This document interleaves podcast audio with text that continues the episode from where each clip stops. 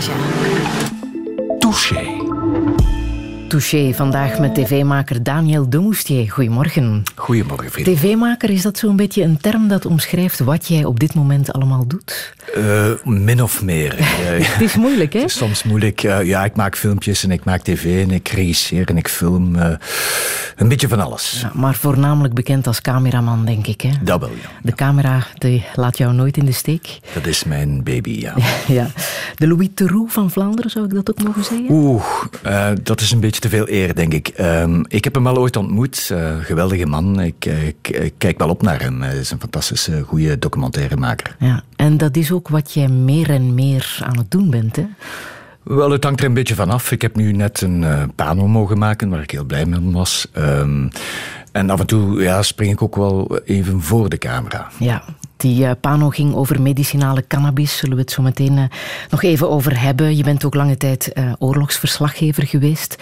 Um, maar je werkt ook voor allerhande um, organisaties. Hè. Greenpeace, Artsen zonder Grenzen, zelfs NT Gent mag bij jou aankloppen. Als er beeld nodig is, dan kunnen ze bij jou terecht. Zo kunnen we het misschien wel omschrijven. Zo is dat, ja. ja, ja. Um, hoe zou jij jezelf omschrijven als, als mens? Oeh, dat is een moeilijke. Uh, iemand die erg nieuwsgierig is uh, en die graag overal wil bij zijn. uh, en dat daardoor, ik heb het geluk gehad dat ik meer dan twintig jaar lang voor de Britse televisie heb mogen werken, die en ook overal in de wereld werd gestuurd ehm, om eigenlijk het nieuws te filmen. En, en daardoor dat je ja, op plaatsen komt waar geschiedenis wordt gemaakt en daar te mogen bij zijn, dat, dat doet wel iets met een mens. En uh, ja, en ik probeer dat uh, allemaal een beetje te verwerken soms. Ja. Wat niet altijd makkelijk is, maar je moet dat wel doen. Ja. Door al die jaren, door al die ervaringen ook heel erg nuchter, realistisch? Ja. Ja, toch wel. Uh, dat, hong, dat, hangt ook. Uh, het hangt er een beetje vanaf. Uh, je kan niet volledig neutraal blijven, natuurlijk. Hè. Je bent ook maar een mens. Mm -hmm. Maar je moet toch proberen zoveel mogelijk die neutraliteit te bewaren en daardoor ook realistisch te blijven en je niet te veel te laten afleiden door emoties. -hmm. Cynisch, is dat ook iets wat af en toe bij jou te bespeuren valt? Uh, en, en, en weet je, dat is zoiets wat, wat je meer onder collega's uh, meemaakt. Zo s'avonds laat in de bar na een zoveelse bomaanslag uh, wordt er wel eens cynisch gedaan. En dat is een middel om, om eigenlijk met je, met je gevoelens om te kunnen gaan. Ja. -hmm. Maar al bij al ben je iemand die denk ik heel moeilijk thuis kan blijven. Ja, reizen doe ik graag. en de koffers zijn bijna gepakt om morgen alweer te vertrekken? Ja, uh, morgen vroeg, uh, vroege vlucht. Uh, dus tegen mijn gewoonte in, want ik moest naar hier komen, ben ik toch al maar beginnen in te pakken. normaal doe ik dat bezig te houden. Een uur voor, de, voor de vlucht meestal, maar nu ben ik er al... Ik sta, alles staat netjes klaar. Ja. ja om naar Mosul te vertrekken. Ja, we gaan naar Irak morgen. Mm -hmm. Dat lijkt me heel spannend, zullen we het zo meteen ook over hebben. Daniel de Moustier, welkom in Touché. Radio 1. 1. Friedel Massage. Touché.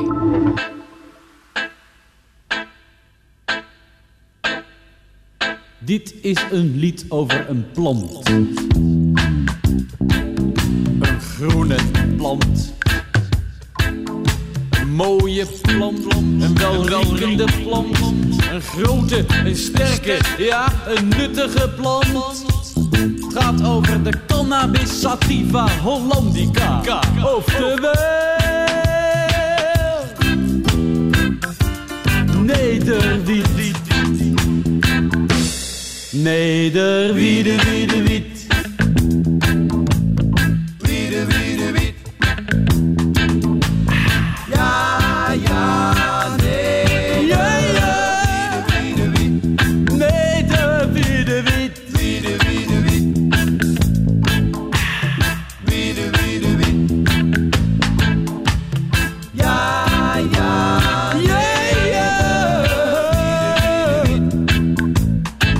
bij het zaad. Het goede zaad is van een plant die al minstens drie generaties in Nederland groeit en bloeit. Sommige mensen zeggen zeven, maar dat is een kwestie van geloof, geloof ik. Dat mag je dus zelf weten. Goed. Het goede zaad doen we in maart, april, mei in de grond. En geen gedoe met voorkiemen en zo. Dat is allemaal maar haastige spoed. Dat plantje weet zelf het best wanneer het op moet komen. Dus laat maar gaan, dat gaat wel goed. Dat wordt prachtige. Meter, wiede, wiede, wiede, wiede, wiede, wiede, wiede, wiede, wiede, wiede, wiede, wiede. Wiede,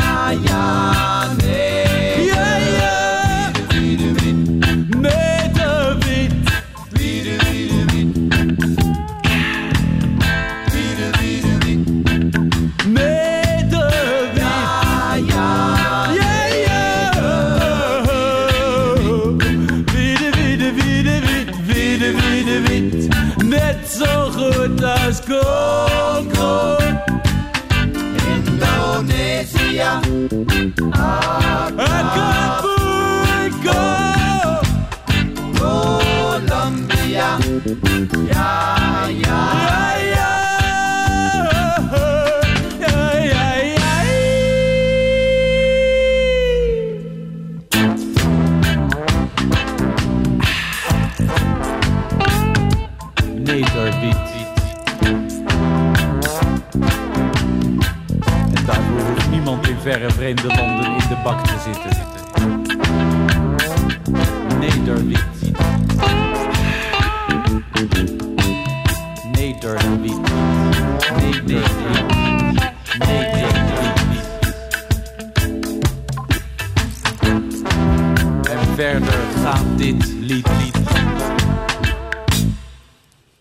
Nederwiet, de muzikale handleiding Hoe plant ik cannabis? Een nummer uit 1980 van Doe maar en Joost Belinfante. Daniel de Moustier, ik vroeg zo net, eh, een goede tekst, hè, maar jij luistert niet naar teksten. Nauwelijks eigenlijk. Ik ben, ik ben zo iemand die muziek, dat moet, dat moet muziek zijn. En eh, ik, eh, muziek spreekt mij aan als ik de beat goed vind. Of, de, maar ik luister weinig naar de tekst eigenlijk. Ja. Heel raar. Maar dit nummer is natuurlijk betekenisvol Ja. in die zin dat Nederland een soort pioniersland is geweest voor het planten van eh, cannabis, ook het verkopen, het gebruiken van cannabis. Bij ons ligt dat een beetje anders. Je hebt Eh, er een, eh, ja, een totaal. pano over, gemaakt, over medicinale cannabis. Daar had je een goede reden voor, hè, om daar een pano over te maken. Wel ja, ik ben een beetje vertrokken van mijn, vanuit mijn eigen ervaring. Ehm, eh, ik heb dus vorig jaar, of al iets meer ge- langer geleden, anderhalf jaar geleden, kanker gekregen. Ehm, dat was lymfeklierkanker. Al in fase 4 trouwens. eh, ik wist eigenlijk van niks. Eh, het was puur toevallig dat mijn huisarts... eh, ik bedank haar nog elke dag. De toevallig had ontdekt. Die had het gewoon bij een normale controle gevoeld dat er iets niet klopte. Ze voelde precies een kleine zwelling in mijn, aan, aan mijn mild. En dan, eh, ja, dan beginnen de testen enzovoort en zo verder. Eh, men vond aanvankelijk, niets en dan heeft men een biopsie moeten doen en ja, oké. En dan heb ik gezegd, oké, ja, goed. ehm, ik heb al veel meegemaakt in mijn leven. eh, dit gaan we er dan ook maar bij nemen. Ehm, laten we daar maar meteen mee aan beginnen. Eh, hoe lang moet dat duren? En ze vertelde me, ja, we gaan beginnen met een chemokuur van eh, zes maanden. En dan ben ik daaraan begonnen. Maar dan, zoals eh, neem ik aan vele kankerpatiënten, ga je dan ook wat meer informatie zoeken. Hè? Wat is dat voor een kanker? En wat zijn de bijwerkingen? En, chemo? Ik, ik ben nauwelijks ziek geweest in mijn leven. Ik, ik heb nog nauwelijks medicijnen genomen in mijn leven. Maar ik wist dus dat er wat, wat op mij af ging komen. En dan ga je wat zoeken op het internet. En dan ontegensprekelijk kom je al heel snel dus die cannabisolie tegen. Langs alle kanten eigenlijk. Eh, dat dan, zoals ik dat dan las, een, een, een, een product zou kunnen zijn dat je zou kunnen helpen om die bijwerkingen eh, van die chemo kunnen, eh, kunnen tegengaan. En ik heb dan zo via het internet zo'n flesje gekocht, besteld. En een dag later zit dat gewoon in je bus. En ik heb dat dan genomen. En eigenlijk was ik daar een beetje fout mee. Dat heb ik dan later wel ontdekt. Want je, zo, je koopt dat beter niet over het internet natuurlijk. Het is veel, want je weet dus niet wat je koopt. Omdat er dus helemaal geen wetgeving is in dit land. wordt er ook niks gecontroleerd. Weet je eigenlijk ook niet wat er in dat flesje zit. Uh, Enfin, ik loop nu een beetje in de zaken vooruit, maar in ieder geval heb ik het zo leren kennen. En dan heb ik via andere mensen en via ja, de social media dus. Mm ook wel ontdekt dat er ook wel mensen zijn die dat zelf maken. En die dat doen met heel veel liefde. Uh, die dat uh, een eigen plantje zetten. En die dat een heel, heel op biologische manier doen. en daar een olie van maken. en dan ben ik overgeschakeld naar zonolies. en ik heb dat dus genomen. En dat heeft mij dus bijzonder goed geholpen. Ja. Op welke manier dan? Wat, wat doet zo'n cannabis? Wel, ik, ik, het is moeilijk te. Ah, in mijn geval, moeilijk ik kan alleen maar zeggen dat ik nauwelijks misselijk ben geweest van die chemo. Dat ik nauwelijks bijwerkingen heb. Ik heb daar eigenlijk heel weinig van gemerkt. En ik kan met mijn hand op mijn hart niet zeggen dat is door die cannabisolie. Maar het, heeft wel, ja, het lijkt mij wel geholpen te hebben. En in daardoor was ik er toch door gefascineerd geraakt en ben ik gaan research doen en meer gaan zoeken en lezen. Uh, en daar bestaat ontzettend veel materiaal over. En zo heeft Pano ook gevraagd aan jou om daar een uh, reportage over te maken. Wel ja, dan heb ik dan voorgesteld eigenlijk aan Pano van zou dit geen goed onderwerp zijn? En zij zagen dat wel zitten, ja. ja. En dan, uh... Want op dit moment is het nog altijd niet legaal om uh, dat soort flesjes om cannabisolie te Inderdaad. verkopen in ons land. Inderdaad. Ehm, dus, ja, dus sinds de drugswet van 1921, zeg maar, is cannabis natuurlijk nog altijd een illegaal product. het mag wel voorgeschreven worden onder zeer strikte voorwaarden en enkel aan MS-patiënten. En enkel een product dat Sativex heet, en dat is een, eigenlijk een synthetisch product, wel op basis van cannabinoïden. Um, en een arts mag ook onder bepaalde omstandigheden zijn therapeutische vrijheid hanteren om uh, uh, ja, medicinale cannabis voor te schrijven. Maar dan krijg je dus de zeer absurde situatie dat die patiënten met hun voorschrift dan naar Nederland moeten gaan waar je dat dan in een apotheker, in elke apotheker in Nederland kan je dat dan krijgen. Maar dan mag je het niet mee terugbrengen naar België, want op het moment dat je de grens oversteekt, ben je terug in de illegaliteit. Dus dat is eigenlijk een beetje een zeer, allee, dat is eigenlijk een heel absurde situatie. En eh, er is dus dringend nodig naar een regelgeving, naar een legalisering, zeg maar. En gelukkig heeft men al de eerste stappen gezet. Nu, er is nu een wetsvoorstel door de Kamercommissie goedgekeurd. Maar dat is maar een aller, allereerste stap. Ja, voor een cannabisbureau, een soort uh, controleorgaan. Ja. Um, dat zou controleren op welke manier uh, de wiet wordt uh, geplant en uh, verwerkt tot eventueel medicatie. Ja, tot eventueel medicatie. Dus op het moment wordt er alleen toelating gegeven aan, aan bedrijven om dus cannabis te produceren, te, mm. te laten groeien. Maar momenteel enkel alleen nog maar voor onderzoek. Daar wordt dus duidelijk ingesteld in het, voor, in, in, in het wetsvoorstel staat dus dat het niet mag gedistribueerd worden. Ja. Dus, Nochtans zijn er al een negentigtal uh, cannabiswinkels in ons land. Uh... Ja, en dan moeten we dus even het onderscheid maken. Dus in, in de cannabisplant heeft men ontdekt dat er tot nu toe heeft men, al, enfin, heeft men twee cannabinoïden in die plant ontdekt, maar er zijn er honderden. Hè.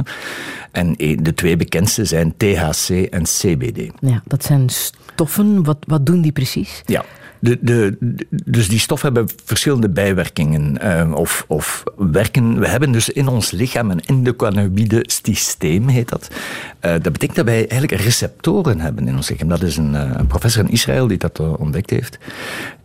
En die dus gunstig reageren op die stoffen. U moet weten, morfine, aspirine zijn eigenlijk ook natuurproducten. Morfine zijn opiaten. Um, uh, aspirine komt van de schors van de lindeboom, geloof ik. Uh, bedoel, het zijn eigenlijk allemaal natuurproducten die dan uiteindelijk zijn bewerkt tot, tot, tot medicijnen. Um, maar in het geval van de, van de cannabis nu is er een, een, een probleem dat het nog altijd een enorm groot taboe en stigma hangt rond cannabis, het roken van een joint. Terwijl men dat eigenlijk zou eens moeten splitten. Dat men dus duidelijk kan die twee uit elkaar houden. Het recreatieve gebruik en het medicinale gebruik. Ja, want als je kijkt naar andere landen, Nederland is gekend natuurlijk, maar Canada, daar is het echt bijna een economisch model uh, geworden. Ja, het, uh, het, is onwaarschijnlijk. In 27 landen in de wereld ondertussen uh, bestaat een systeem van medicinale cannabis, ook in Duitsland bijvoorbeeld. Mm -hmm. um, Canada was een van de voorlopers. Uh, sinds 2001 is daar uh, medicinale cannabis al gelegaliseerd. Waar je dus ook cannabisklinieken hebt, gewoon waar je kan binnenstappen, waar je dan uh, door gespecialiseerde mensen kan geholpen worden. Want dat is een van de grote problemen. Omdat het zoiets nieuw is, eh, zijn er natuurlijk niet veel artsen die er veel over kennen. Mhm. Het zit ook niet in de opleiding van de artsen. Uh, dus er is nog heel veel werk aan de winkel. Maar langzaamaan begint dat wel te komen. En in Canada staat men dan veel verder. Uh, daaraan gekoppeld heeft men ook gemerkt dat heel die cannabisindustrie natuurlijk ook wel wat geld kan opleveren.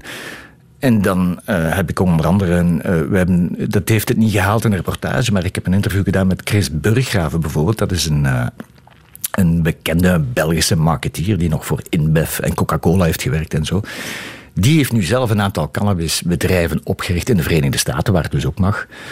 In bepaalde staten in de Verenigde Staten. En die heeft een berekening laten maken door het planbureau, waaruit blijkt dat als men cannabis, maar dan ook recreatief zou legaliseren in België, dit tot de 28 en 38.000 jobs zou kunnen opleveren in België.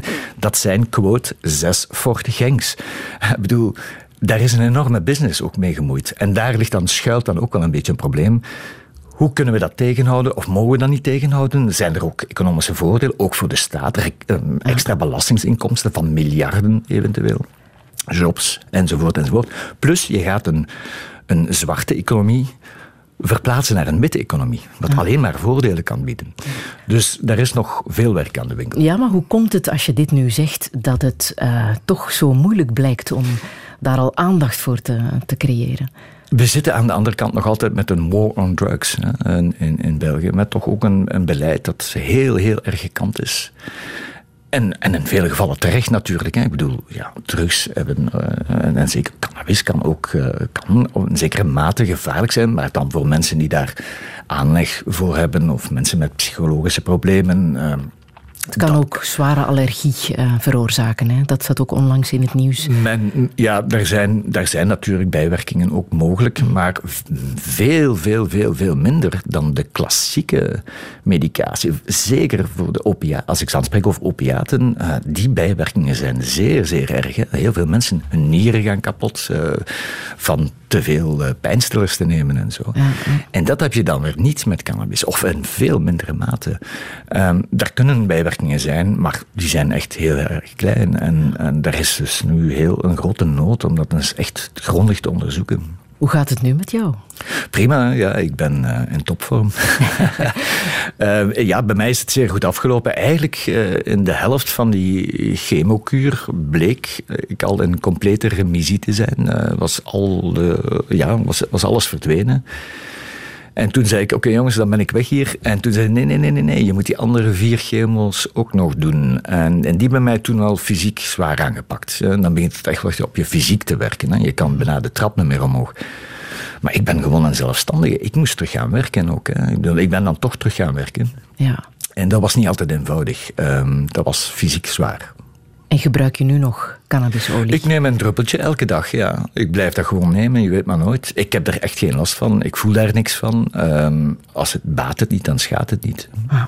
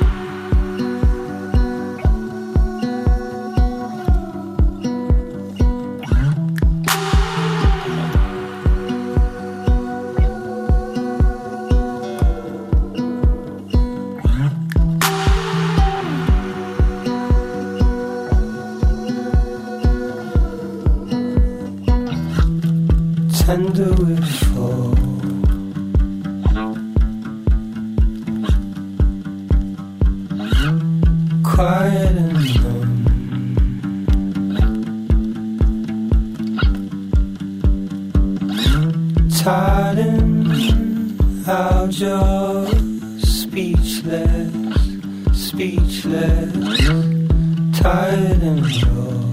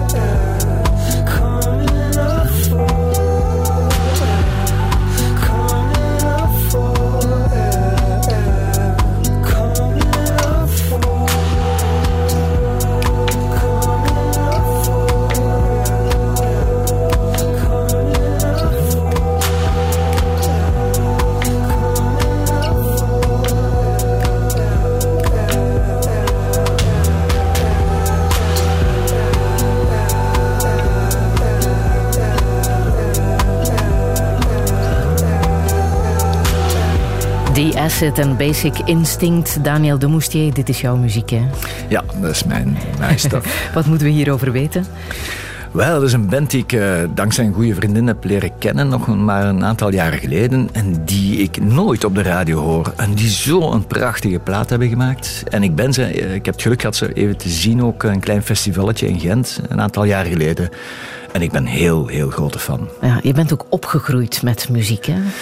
Ja, in zekere zin wel. Ik als student in Leuven, ik studeerde politiek en sociale wetenschappen. Ik was dan ook een beetje sociaal geëngageerd natuurlijk. En ik hielp mee betogingen organiseren en, en ook concerten. Ehm, en dan oh, ja, voor, voor, voor, voor bepaalde doelen of zo. Het was tegen de raketten, denk ik nog en zo. En dan plots uh, was ik concert aan het organiseren. In de tijd nog, weet ik, met met Tissi Matic en, en Arbeid Adelt en geweldige Belgische bands. En toen dacht ik van, dit is ook wel leuk, precies.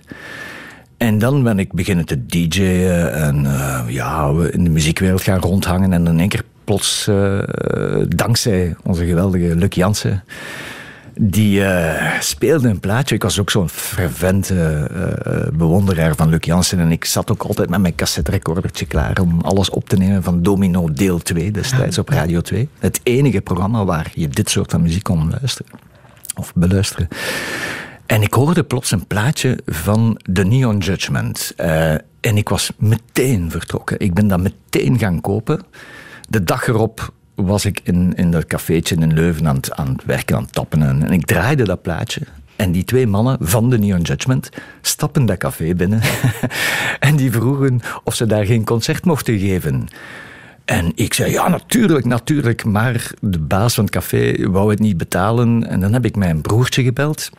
Want die had een discobar of zo. In ieder geval, die had ergens iets met geluid. En die heb ik dan ingehuurd, die is dan afgekomen. En, we hebben dat concert gedaan. Uh, we hadden geen licht en ik had alleen nog een, ergens een stroboscoop liggen, zo'n flitslicht. We hebben heel dat concert met die stroboscoop gedaan. Dat was een gigantisch succes. En toen zei die man, maar kom mee, we hebben nog 15 optredens. En, en dan heb ik ongeveer tien jaar lang nog met die mannen mee de wereld rondgereisd ook. Ja. Eh, als, eigenlijk als lichtman, tourmanager, zo een beetje achter de scène. Geweldige tijd gehad. Drugzoeker ook? Um, daar werden toen toch ook wel al ten zwijken gerookt in die tijd. Dat gebeurde wel. Maar niet veel meer dan dat. Hè. Wij, wij, dit is begin jaren tachtig al die partydrugs en al dat soort dingen, dat kenden wij eigenlijk niet. Dat bestond niet natuurlijk. Wat bestond er wel? Pintjes. en als het over drugs gaat? Nee, uh, hoogstens een uh, zo. mm. maar meer dan dat niet. Nee, nee, Waar jij aan meedeed? Ook, ook, heel beperkt ook. Ik, ik, ik, ik, herinner mij ook niet zoveel van, maar, maar eigenlijk niet veel, nee. Um, ik ben altijd wel zeer professioneel gebleven. Nou, werken is werken en daar mag je niks, niks mag je afleiden daarvan. Dat, moet, dat moet goed zijn. Ja. Jij hebt uh, ja, de muziekbusiness uh, langs uh, alle kanten gekend. Jouw broers ook, hè? die zijn ook op een of andere manier ja, in de muziekbusiness Ja, ik ben heel erg trots op, op mijn beide broers, Patrick en Olivier die nog altijd uh, zeer professioneel bezig zijn met licht en geluid. Uh, heel grote uh, evenementen doen. Zij hebben samen bijvoorbeeld bijna twintig jaar de proms gedaan.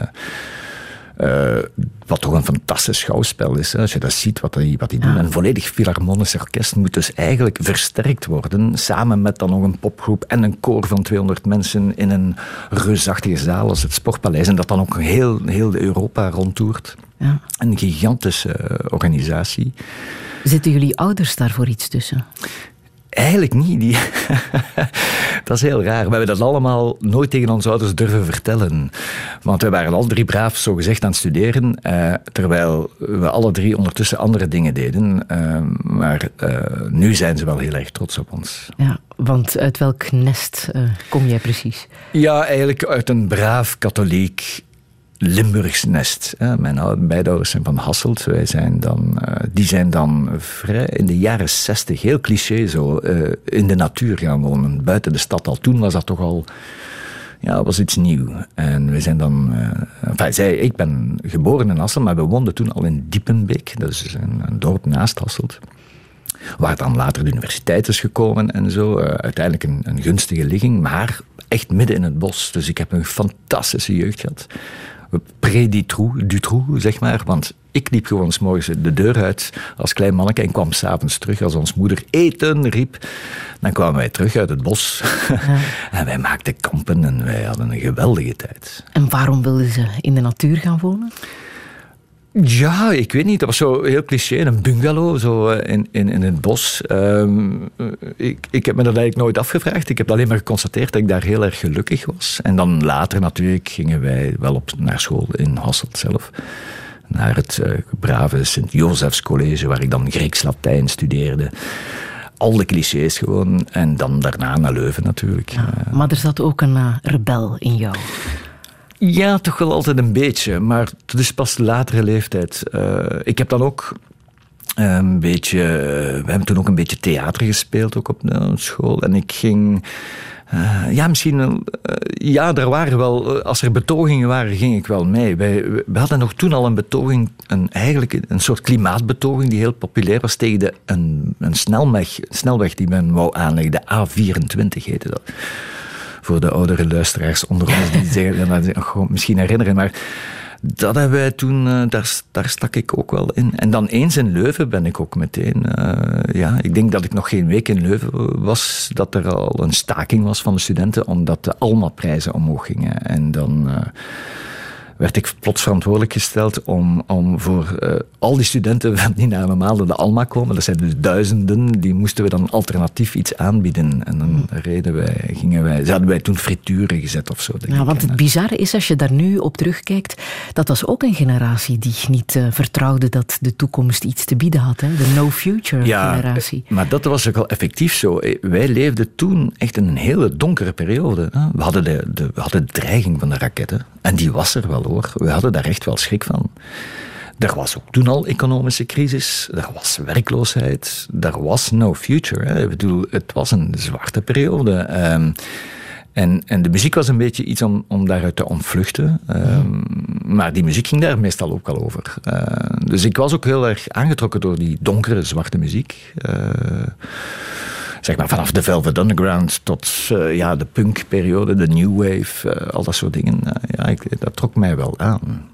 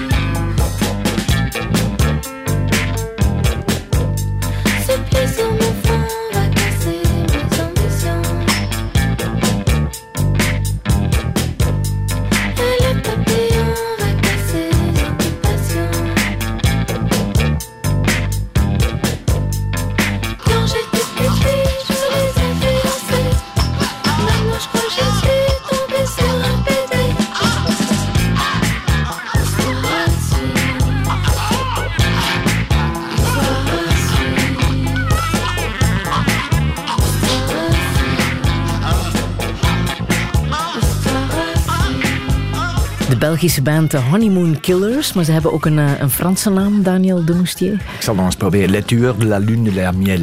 Ja, en in die periode uh, heel erg belangrijk, hè? Ja, ja, dat was een fantastische band. Die, jammer genoeg is de zanger uh, overleden. Dat was het einde van de band. Maar dat was een van de bands die ik toen een concert voor had georganiseerd. ik was zeer diep onder de indruk. Een prachtige plaats. Blij dat ik ze nog eens kan horen. Ja. Kan je zeggen dat jouw ervaring in de muziekwereld van jou een cameraman heeft gemaakt? Ja, ja, maar zo is het eigenlijk allemaal begonnen. Hè? Want eh, plots kwam er dan MTV. Uh, eh, en alle bands moesten plots een videoclip hebben, maar niemand wist goed wat dat was. Hè. We hadden nog geen echte videocamera's in die tijd. Uh, ik had gelukkig nog zo'n echt mooi klein Super 8 filmcameraatje. En daarmee ben ik een beetje mee beginnen filmen. Uh, want ik deed eigenlijk de belichting en de visuals heette dat dan. En toen zei ze, ja, maar dat is dan uw rayon. Uh, ga jij dan maar video's maken? Maar ik wist echt niet wat ik moest doen daaraan beginnen. Maar ik kende Walter Verdaan. Walter Verdaan, heel belangrijk in mijn leven. Artiest, kunstenaar, muzikant uiteraard. En die werkte op de audiovisuele dienst van de Universiteit van Leuven. En daar, uh, en ik wist dat hij iets met video deed, maar die maakte eigenlijk videokunst. Toen al, zeer revolutionair. Maar die had dus wel toegang tot video. En dan uh, zijn wij aan Walter gaan vragen: kan je ons helpen om een videoclip te maken? En dan heeft Walter inderdaad die eerste videoclips van Neon Judgment gemaakt. En ik heb hem daar toen bij geassisteerd. En hebben wij nachten en nachten lang in, in de montagestudio's gezeten van de Universiteit van Leuven. Want we mochten dat eigenlijk niet doen, maar we deden dat dan s'nachts. Um, en dan is mijn liefde tot, tot video, zeg, eigenlijk maar, uh, zo is die ontstaan. En dan heb ik later met Walter ook fijne dingen. Ik heb dan mijn burgerdienst daar ook mogen doen omdat je niet onder de wapens wou, heb je je burgerdienst gedaan? Ja, ja, ja, ja, ik was dus een gewetensbezwaarde. En nog altijd, uh, ik ben 100% tegen geweld. Ik, uh, ik wil nooit een wapen in mijn handen nemen. Maar toch heb je zo lang oorlogverslaggeving gedaan. Ja, dat is de ironie natuurlijk. Hè. Ja, ik heb niet alleen dat, ik werd uh, in latere fase, want uh, in, in, in, bijvoorbeeld Afghanistan en Irak, op een zeker moment was het onmogelijk om daar nog als journalist echt alleen rond te lopen, moest je een soort van bescherming hebben. En de enige manier om dan eigenlijk daar nog te kunnen werken was met het leger mee te gaan. Uh, wat ik eigenlijk niet graag doe. Uh, ik heb liever mijn eigen vrijheid. Maar soms was er geen andere optie. En dan waren wij embedded, heet dat dan, uh, in bed met het Amerikaanse of het Britse leger. En niet zomaar het Amerikaanse, maar met de Marines, zo de top elite soldaten. En plots bevond ik mij daartussen en ging ik mee op patrouilles, uh, zat ik in helikopters. Uh, altijd echt, echt alles gedaan uh, in de meest gevaarlijke plekken in de Helmand-provincie in Zuid-Afghanistan, in de buitenwijken van Bagdad. Uh, in en hoe komt het dat je dat soort opdrachten toch uh, bent gaan aannemen? Want jouw eerste opdracht was uh, Beirut, hè, 84. Ja, uh, ja, eigenlijk een beetje toevallig hoor. dus, ja, ik ben zo, ah, ja, ik zei, ik ben zo blij dat ik die panel nu heb mogen maken. Want eigenlijk is mijn carrière begonnen met Panorama. De, de good old Panorama met de fantastische... Dat waren mijn helden. Hè? William van Laken en Johan de Poorter en Paul Muis. Oh, dat, waren echt onze helden. En plots mocht ik uh, mee met hun naar het buitenland toevallig was een van mijn eerste opdrachten, eh, en dat was toch als, als klankman ging ik dan mee, uh, was uh, Beirut met Johan de Poorter. En dat was op het einde van de burgeroorlog, maar ik kwam daar aan. Ik was zo geïmpressioneerd door die sfeer, die... Ja, het is moeilijk te beschrijven. Je komt daar aan in die ruïnes zoals je ze nu ziet... Ehm, in, uh, gisteren zagen we nog de beelden van Raqqa of van, uh, van Mosul, waar ik morgen weer naartoe ga. Steden die volledig, volledig verwoest zijn, maar daar de mensen toch proberen te overleven en te werken en een nieuw leven op te bouwen. En af en toe valt er nog wel een bom links en rechts. En, en life goes on. En dat, is, dat heeft mij zo gepakt. En ik dacht toen al, dit wil ik wel meer doen.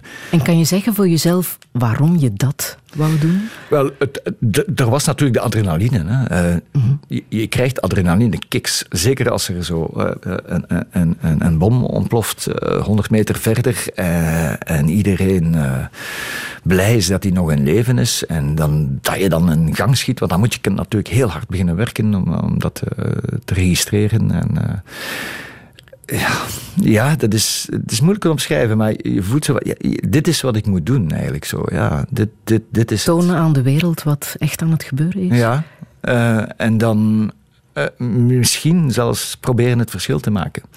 Dat klinkt natuurlijk heel hoogvaardig, maar soms gebeurt dat dus wel. En ik denk zelfs dat dat een paar keer gebeurd is door beelden die ik gemaakt heb. Mm -hmm. Bijvoorbeeld in, in Kosovo waar, uh, waar we een, een, een graf hebben, of een, een massacre hebben ontdekt. Eh, dus uh, een veertigtal lijken die we gevonden hebben die uh, als gevolg van, uh, van, van een actie van de Servische militairen. En uh, dat heeft toen, de dorp, ja, dan heeft de internationale gemeenschap gezegd op basis van die beelden, Milosevic, nu is het wel welletjes geweest, dit moet stoppen.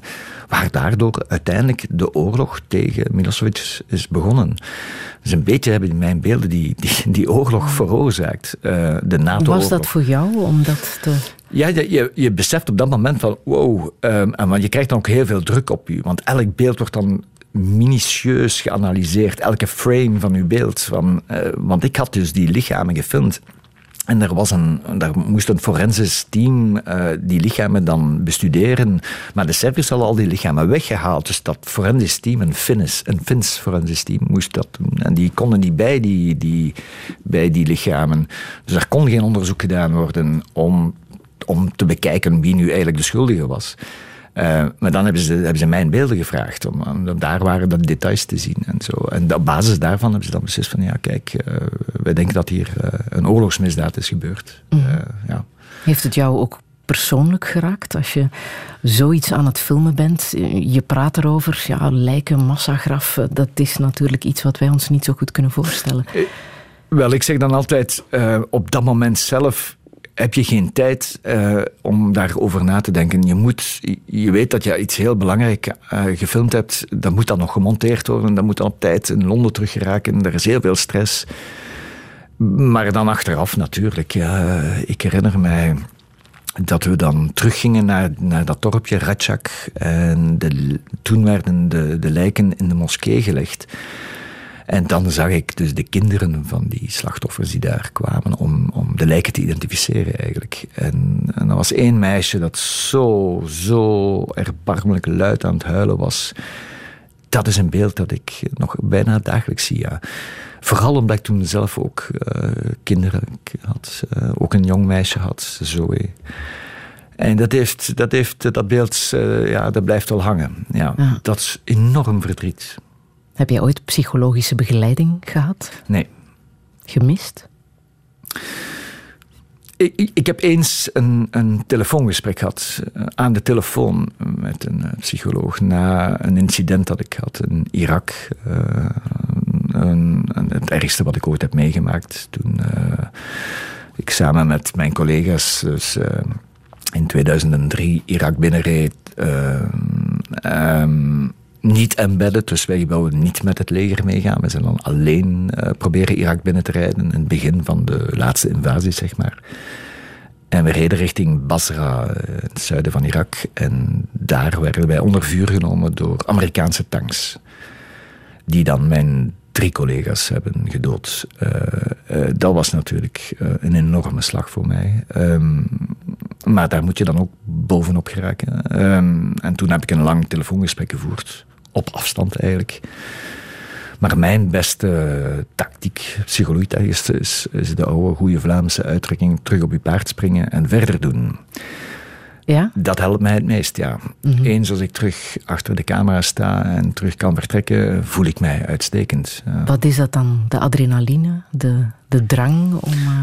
Ja, dat, gewoon, dat is, ik, dat is wat ik kan. En wat, ik, wat moet ik anders doen? Wat, wat moest ik gaan doen? Ergens in een hoekje gaan kruipen en huilen voor de rest van mijn leven? Daar had ik geen zin in. Mm het is ook veel meer dan alleen maar die beelden schieten natuurlijk. Hè. Het is ook alles wat daarbij hoort. De verplaatsingen, je materiaal, ja, bedoel, jezelf beschermen. Ja, ik bedoel, er ten eerste al ter plaatse geraken. Dat is al, als je dat al lukt, dan, dan ben je al heel ver. Want dat is het grootste probleem. Hè. Je, krijgt, je moet eerst om visums zien vast te krijgen voor veel landen.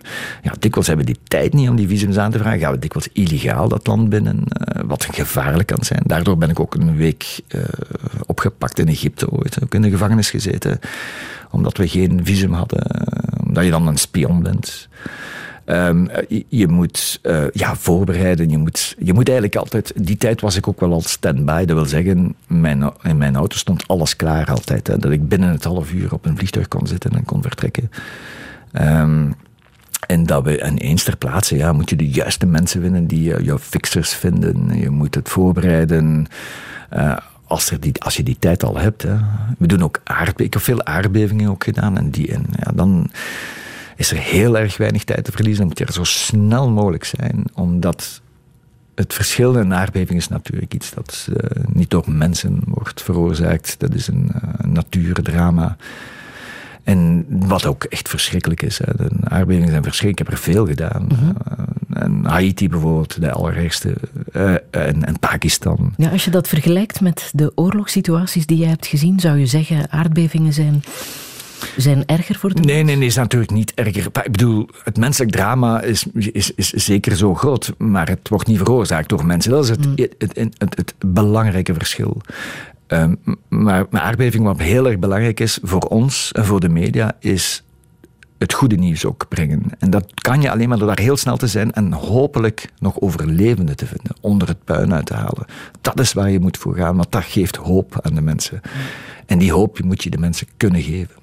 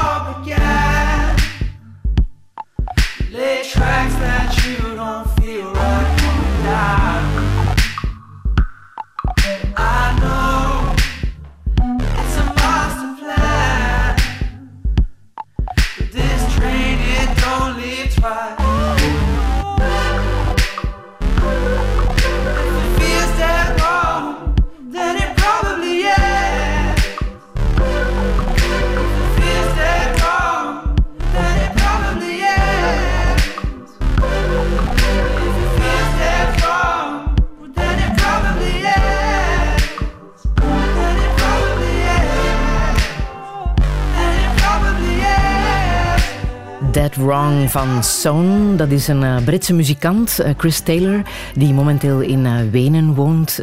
Daniel de Mostier werkte ook samen met Lana Del Rey. dit wou je laten horen. Ja, ook prachtig, ook prachtig. En heel erg blij om te kunnen zeggen dat hij op Pukkelpop zit dit jaar. Daar ga jij ook op de eerste reis staan? Absoluut, ja. nu, Wenen, het is een beetje een toevalligheid, maar je bent er onlangs geweest, hè? Ja. Met de camera. Maar niet uh, om een oorlog te verslaan. Nee, nee, maar dus ik ben zo blij. Oh, wat ben ik toch een gelukkig man dit jaar. Uh, dat ik dus ook met Jeroen Olieslagers heb mogen werken. Uh, die ik ook heel erg mag. Wat een lieve, geweldige man.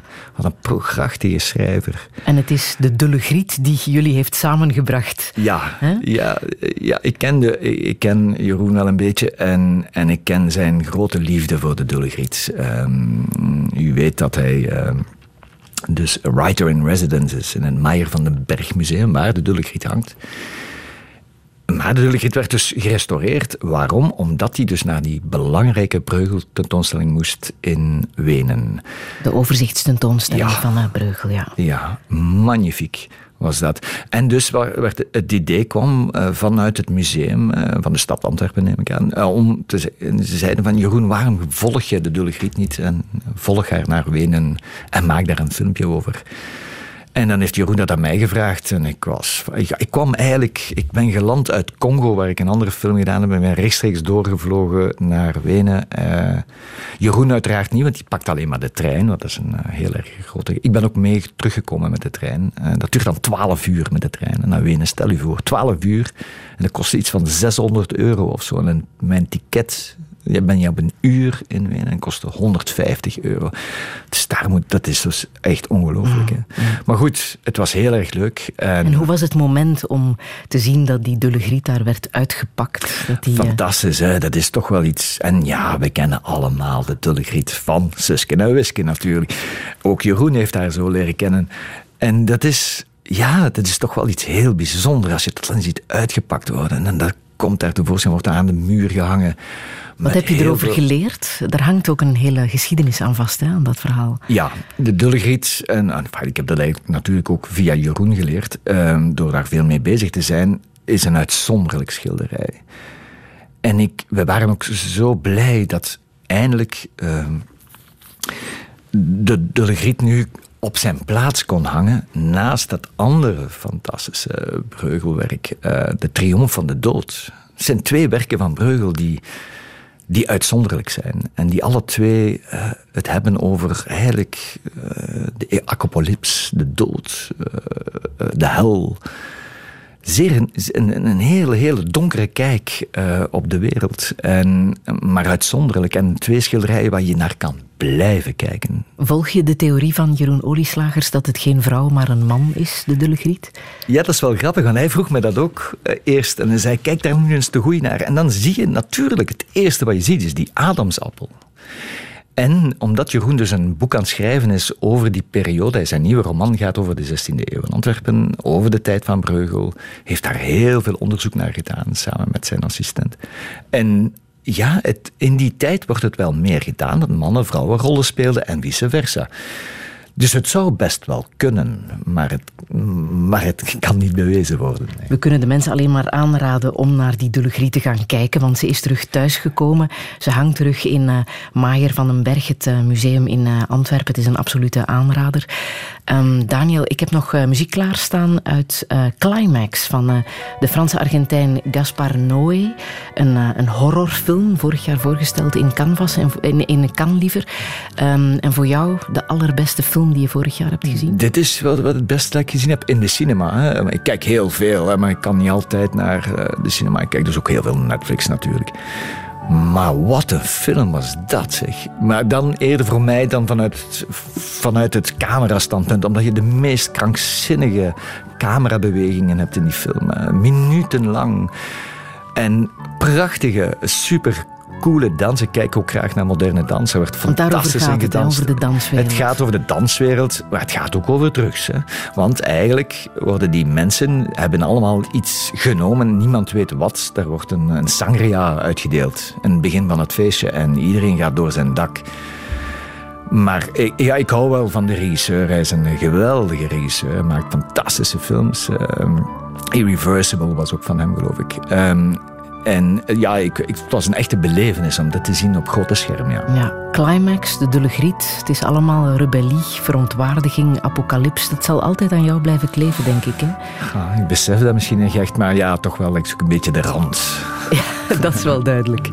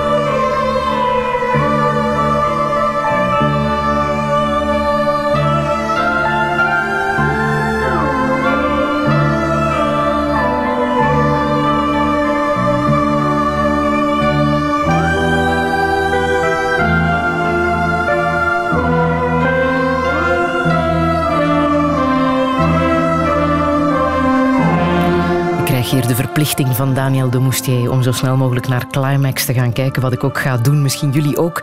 Zometeen praat ik verder met uh, tv-maker Daniel de Moustier. Zometeen na het nieuws van uh, eh, 12 uur. Radio 1. 1. Friedel Massage. Touché. Touché, vandaag met cameraman en tv-maker De Moustier. 25 jaar lang zag hij de oorlog vanaf de frontlijn. Hij werkte voor BBC, ITN en Al Jazeera tot het noodlot echt toesloeg in de vorm van lymfeklierkanker. Acht chemokuren later voelt hij zich beter dan ooit, dankzij medicinale cannabis. Het wondermiddel dat in ons land niet te koop is. Waarom dat zo is, zocht hij uit in een reportage voor Pano. Ondertussen wordt er werk gemaakt van een controleorgaan dat medicinale cannabis ook in ons land mogelijk moet maken. Met deze documentaire verlaat hij het oorlogspad en wil hij zich laven aan de schoonheid van kunst. Al stralen ook de Dulle Griet van Breugel en de film Climax van Gaspar Noé nog altijd de nodige opstand uit. Maar hoe moet het verder? Hoe kan journalistiek zijn geloofwaardigheid behouden? Wat gaat hij doen in Mosul en hoe redden we het regenwoud? Dit is Touché met Daniel de Moustier. Een goede middag.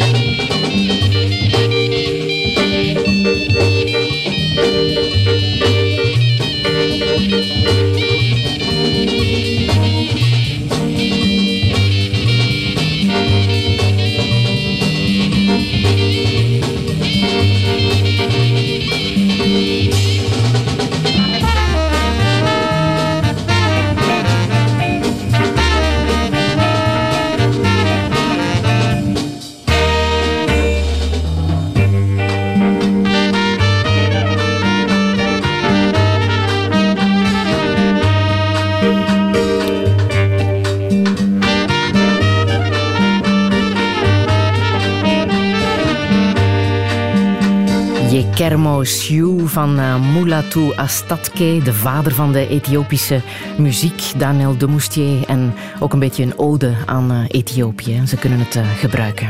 Ja, Ocharm, nu met, met de Boeing die neergestort is. een serieuze blow aan Ethiopian Airlines. dit is, ik gebruik hun dikwijls. ze zijn uitstekend. Een, perfecte verbinding in heel Afrika. Als je weer naar Afrika moet, is er natuurlijk Brussels Airlines op de eerste plaats. Eh, die blijf ik wel verdedigen. Maar Ethiopian Airlines op een mooie tweede plaats. En uh, dit is de muziek die telkens gespeeld wordt als een, als een vlucht eindigt van Ethiopian Airlines, spelen ze dit nummer in, in het vliegtuig. Zo heb ik deze muziek leren kennen. Ja, maar de Boeings worden nu aan de grond gehouden. Ja, uh, en ik denk wel terecht. En nu de Amerikanen ook. Hè, maar de Amerikanen in het begin niet. En nu de Amerikanen ook. Dus daar blijkt toch wel een probleem te zijn met dat type van vliegtuigen. Ja. Hoe volg jij het nieuws als uh, nieuwsmaker? Permanent, uh, via de telefoon.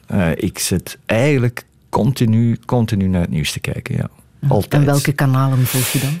Wel, uh, met veel plezier kan ik hem wel VRT Nieuws, absoluut. Uh, en dan de klassiekers, uh, de, de, alle Belgische kranten, maar ook de buitenlandse kranten. The Guardian graag, de BBC natuurlijk. en dan ook, als ik wat tijd heb, Le Monde, de Franse, de Duitsers.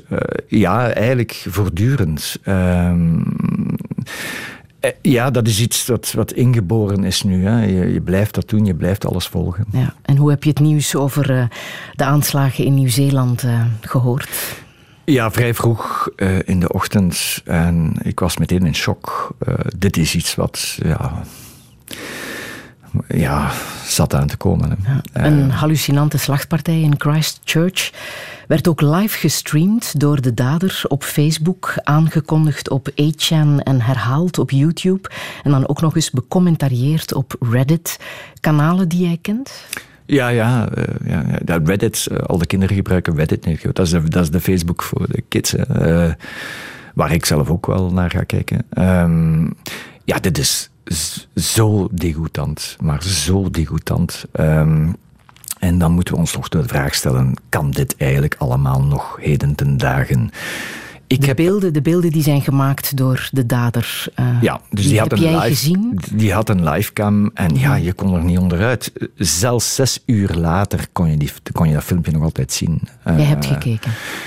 Uh, laat ons zeggen van het professionele reden heel eventjes. Uh, want echt, het is zo verschrikkelijk. Uh, daar kan je niet naar blijven kijken. Dan ben je geen mens. Um, Welke indruk heeft het op jou gemaakt? Het was zo bizar. Het leek gewoon een videospelletje precies. Het was zo raar. Enfin bon, ik heb het echt na een minuut afgezet, um, want dat bleef dus duren. Hè. Ja, maar als je zegt een videospelletje... Ja, ja dus je, je hebt precies een soort... Ja, het is precies niet, niet echt. Um, ik weet het niet. Uh, ja, je, daar, je hebt die videogames en die videogames zijn zo gemaakt dat je bijvoorbeeld het standpunt neemt van de schutter, hè, al die schietspelletjes die ik, die ik afschuwelijk vind. Maar die zijn net hetzelfde. Dit leek wel gewoon een videospelletje. Hè. En, en, maar dit is geen videospelletje, dit is realiteit. Hier zijn nu al 50 mensen aan dood gegaan. En waarschijnlijk nog meer, want er zijn er veel zwaar gewond. En het is toch wel onwaarschijnlijk dat dit zo lang nog is, is blijven kunnen circuleren op het internet. Hoe kan dat uh, volgens jou? Dat het zo lang duurt? Die vraag stelt zich iedereen nu. Hè. De, de, de high-tech bedrijven zitten zich allemaal in onschuld te wassen. Zeggen ja, wij hebben alles gedaan wat we kunnen doen. En ik neem ook aan dat ze dat geprobeerd hebben. Maar zoals uh, onze collega Tom van de Wegen onlangs nog uh, gisteren op, op Facebook zei, uh, het is dringend tijd dat dit echt aangepakt wordt. Ook de, de, de, de premier, de eerste de minister van, van Nieuw-Zeeland heeft het vanochtend ook nog eens gezegd het wordt de hoogste tijd dat we die technologiebedrijven aanpakken. Want die, die zeggen dat ze geen mediabedrijven zijn, maar dat zijn ze natuurlijk wel. En zij moeten ook zich aan de deontologie houden. En zij moeten betere systemen inbouwen, want die zijn er. Er bestaat technologie om dit sneller en efficiënter aan te pakken. Ze zeggen ja, wij zijn enkel een platform, wij zijn niet verantwoordelijk voor de inhoud. Dat is een, ja, dus dat is een discussie die nu dringend moet gevoerd worden, want zij zijn meer dan een platform. Zij zijn mediabedrijven geworden. En ze hebben dus een bepaalde verantwoordelijkheid die ze moeten nemen. Ja, wordt dit, ja, uh, de nieuwe discussie, uh, sociale media, waar liggen de grenzen? Hoe, hoe kan je die grenzen ook effectief uh, bepalen? En dan komen we natuurlijk in een andere discussie, en ook wel een heel erg belangrijke discussie. Vrije meningsuiting moet ook wel blijven bestaan, natuurlijk. Hè. Mm -hmm. Dus uiteraard, dit soort filmpjes mogen niet circuleren. De commentaar die daarop komt, dat is een andere vraag, vind ik. Uh, ook als journalist, uh, ik ben ook echt wel voor de vrije meningsuiting. Ik vind dat dat is een van de belangrijkste dingen in de democratie. De vraag is, hoe ver gaat die vrije meningsuiting? Die, mag die doorgaan zodat ze de democratie kan kapotmaken natuurlijk. Uh, we zitten op die grens. Mm -hmm. En dat is een heel moeilijk verhaal, een hele dunne lijn. Want het is ook nodig om die stemmen uh, te horen, om te weten waar mensen echt bezorgd over zijn, zich kwaad over maken. Uh, ja.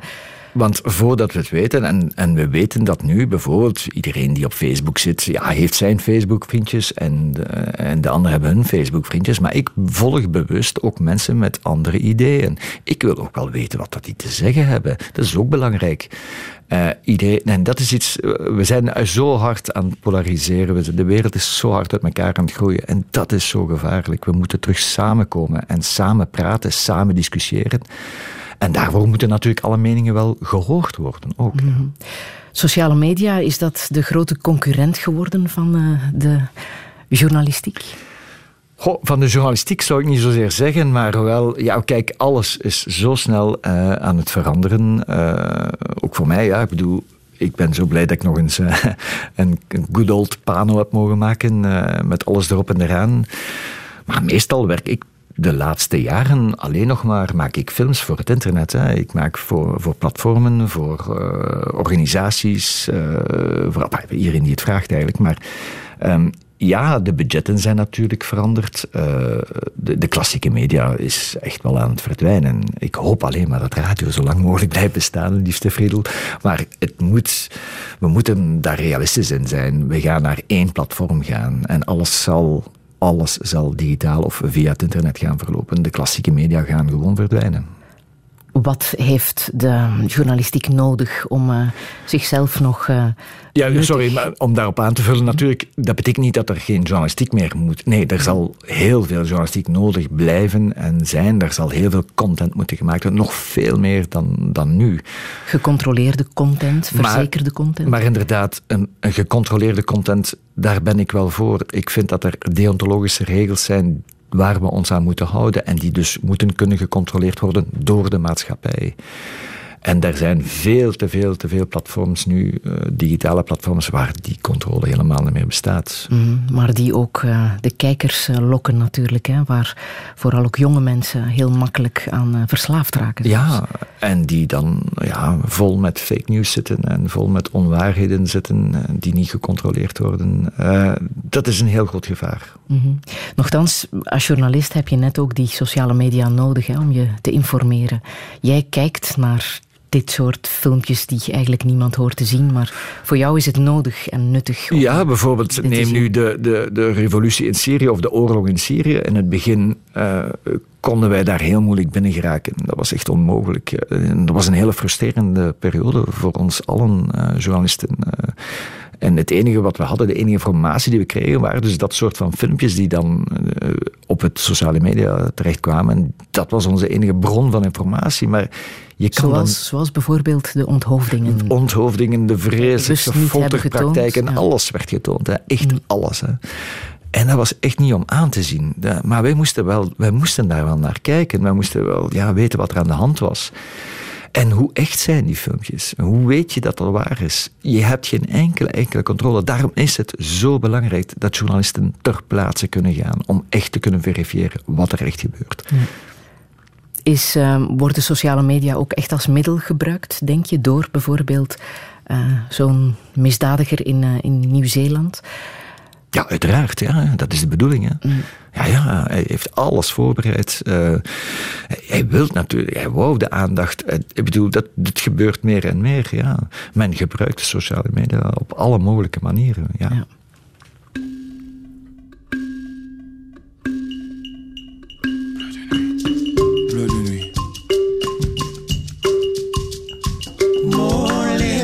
Que l'on peut joindre le futile à l'agréable avant qu'il ne se réduise à une peau de chagrin.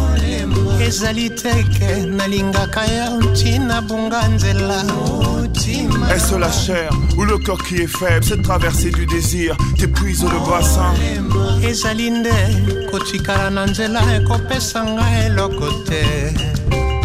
Avant de prendre tes jambes à mon cou Avant que le rouge ne te monte aux joues Tu mènes les ébats à me cheville au corps Pas cette passion énergivore Jus de poignet, vapeur de stupe Des draps souillés, sans amour propre Moment d'égarement, désir impatient Le goût de la nouveauté, de l'enchantement.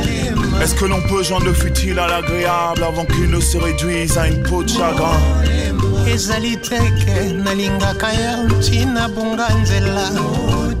Est-ce la chair ou le corps qui est faible Cette traversée du désir t'épuise le bassin? Ezali nde kotikala na nzela ekopesa ngai eloko te. Ezali teke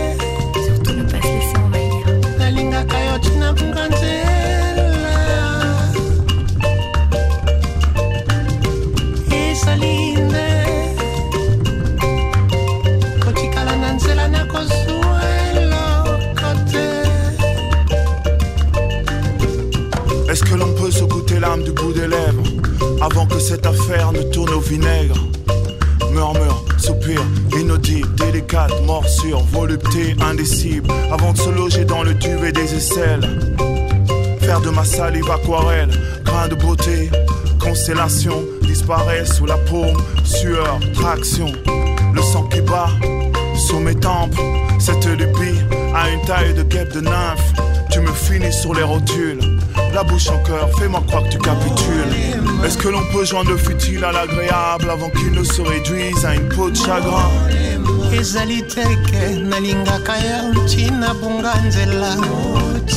Est-ce la chair ou le corps qui est faible? Cette traversée du désir t'épuise le bassin.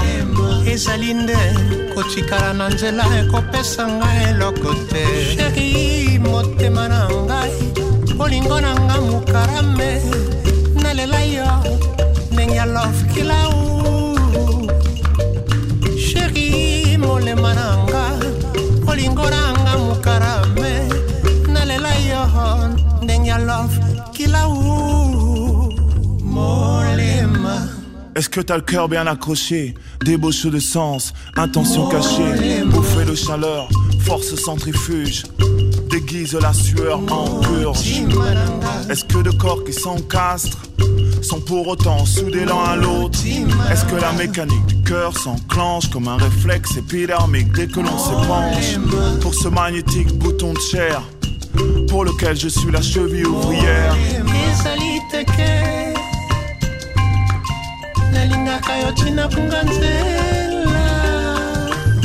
Peau de chagrin, bleu de nuit van uh, Balogie, Daniel de Moustier. Dit wou je absoluut laten horen. Hè? Er is ook een uh, prachtige videoclip bij.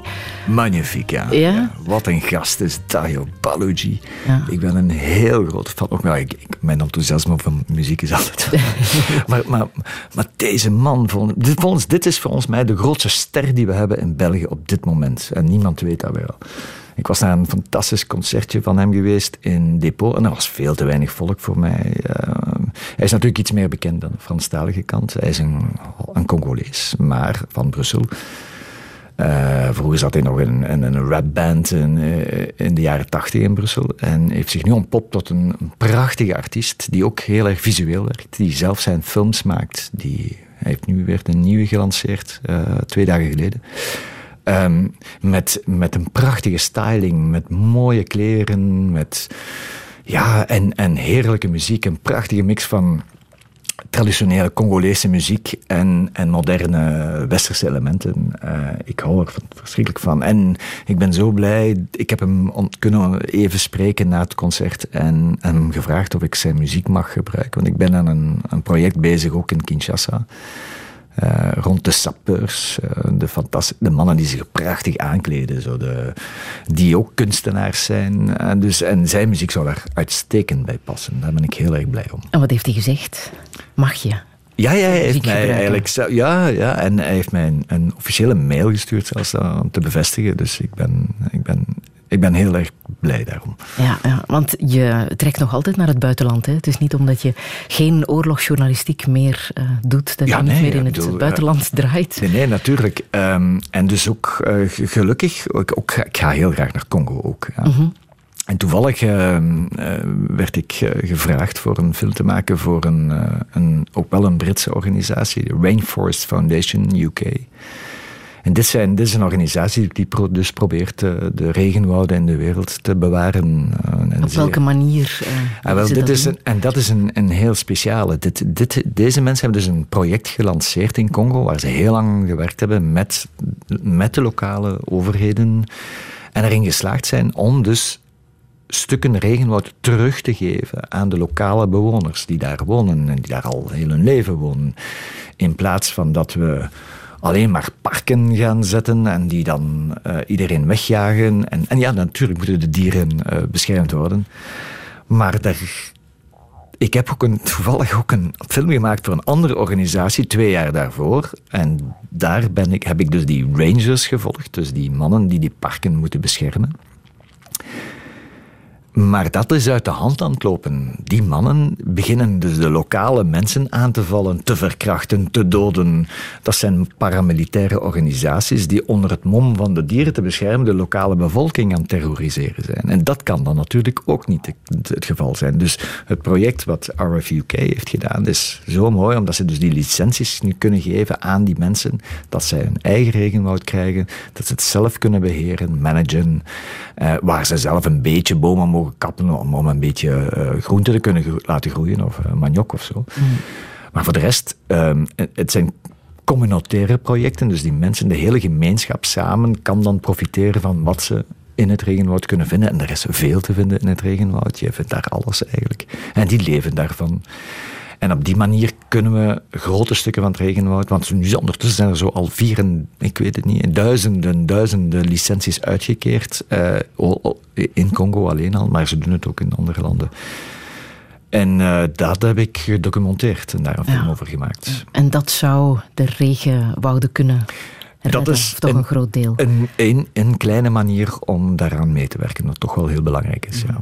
Morgen vertrek je ook naar Mosul, hebben we al een paar keer gezegd, um, voor het theater. Ja.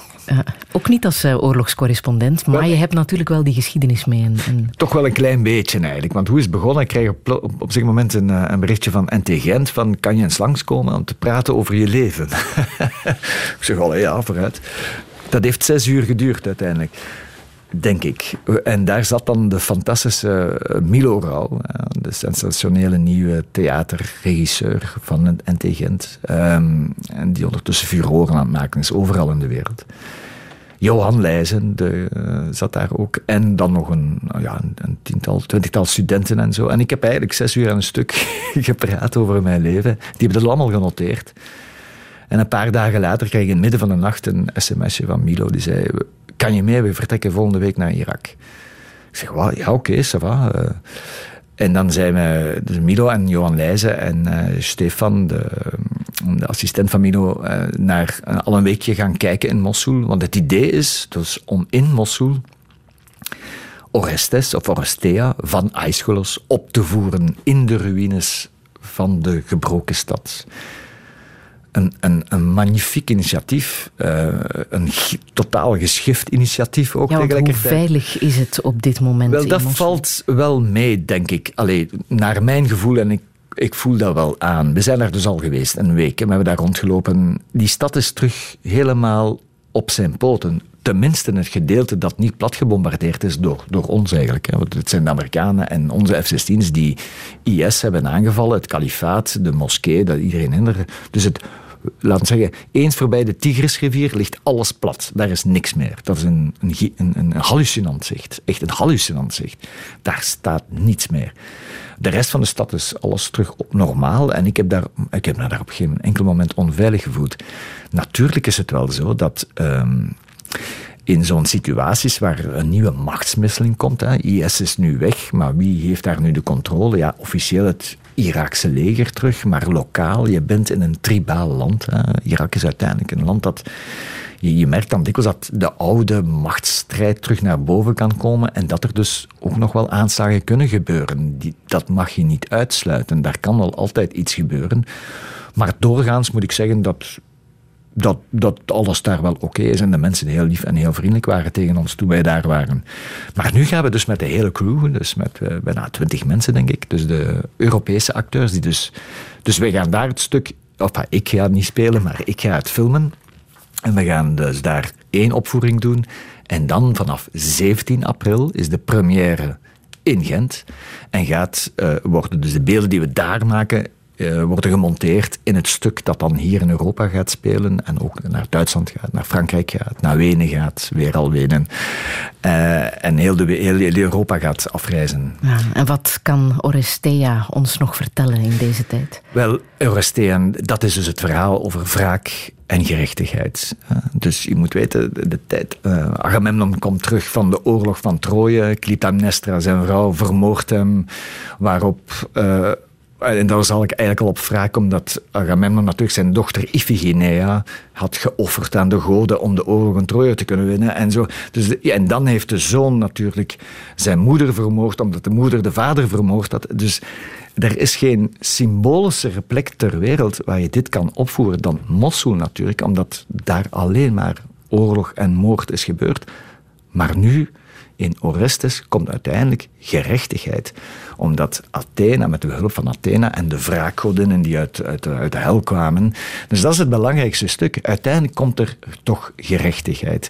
En ik denk dat Milo die boodschap wil, wil overbrengen aan de mensen in Mosul, maar ook, ook vooral, vooral belangrijke cultuur kan brengen. En, en samen met de mensen die daar wonen. Dus de, we gaan met lokale acteurs werken. En ik kijk er enorm naar uit, want het is zo'n mooi project. En ik hoop zo, zo hard dat het allemaal goed gaat meevallen, want het gaat niet evident zijn. Daar is dus niets. we moeten zelf zien dat we nog elektriciteit vinden en een podium kunnen zetten en, en alles wat erbij komt. Maar dat gaat lukken. Ik ben er zeker van.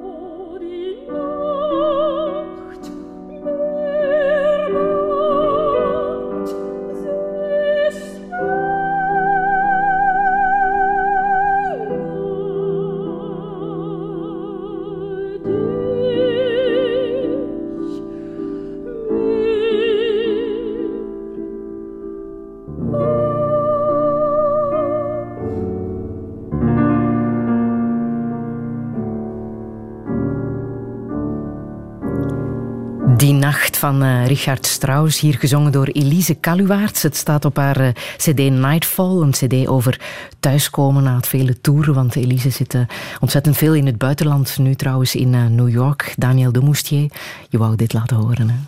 Ja, om te beginnen op zondagochtend mag er ook altijd wel een beetje klassieke muziek natuurlijk. En dan wil ik graag uh, Elise Kaluwaerts laten zingen. Ik, ik, dus ik ben goed bevriend met haar. Ik volg haar al heel lang. Een fantastische zangeres. Um, en ja, ik heb heel veel bewondering voor haar. Hoe kom jij in de operawereld terecht? Ik kom niet in de opera. Ik weinig, um, maar ik hou, ik hou er wel van natuurlijk. Um, maar nee, ik heb jullie zo ergens gewoon op een feestje te leren kennen als een redelijk wilde madame. ik had nooit gedacht dat hij eigenlijk opera zong. Dus dat, daarom vond ik haar wel heel erg sympathiek. We hebben soms de verkeerde beelden over, uh, over klassieke muzikanten, dat het allemaal hele stijve mensen zijn. Dat is helemaal niet zo natuurlijk.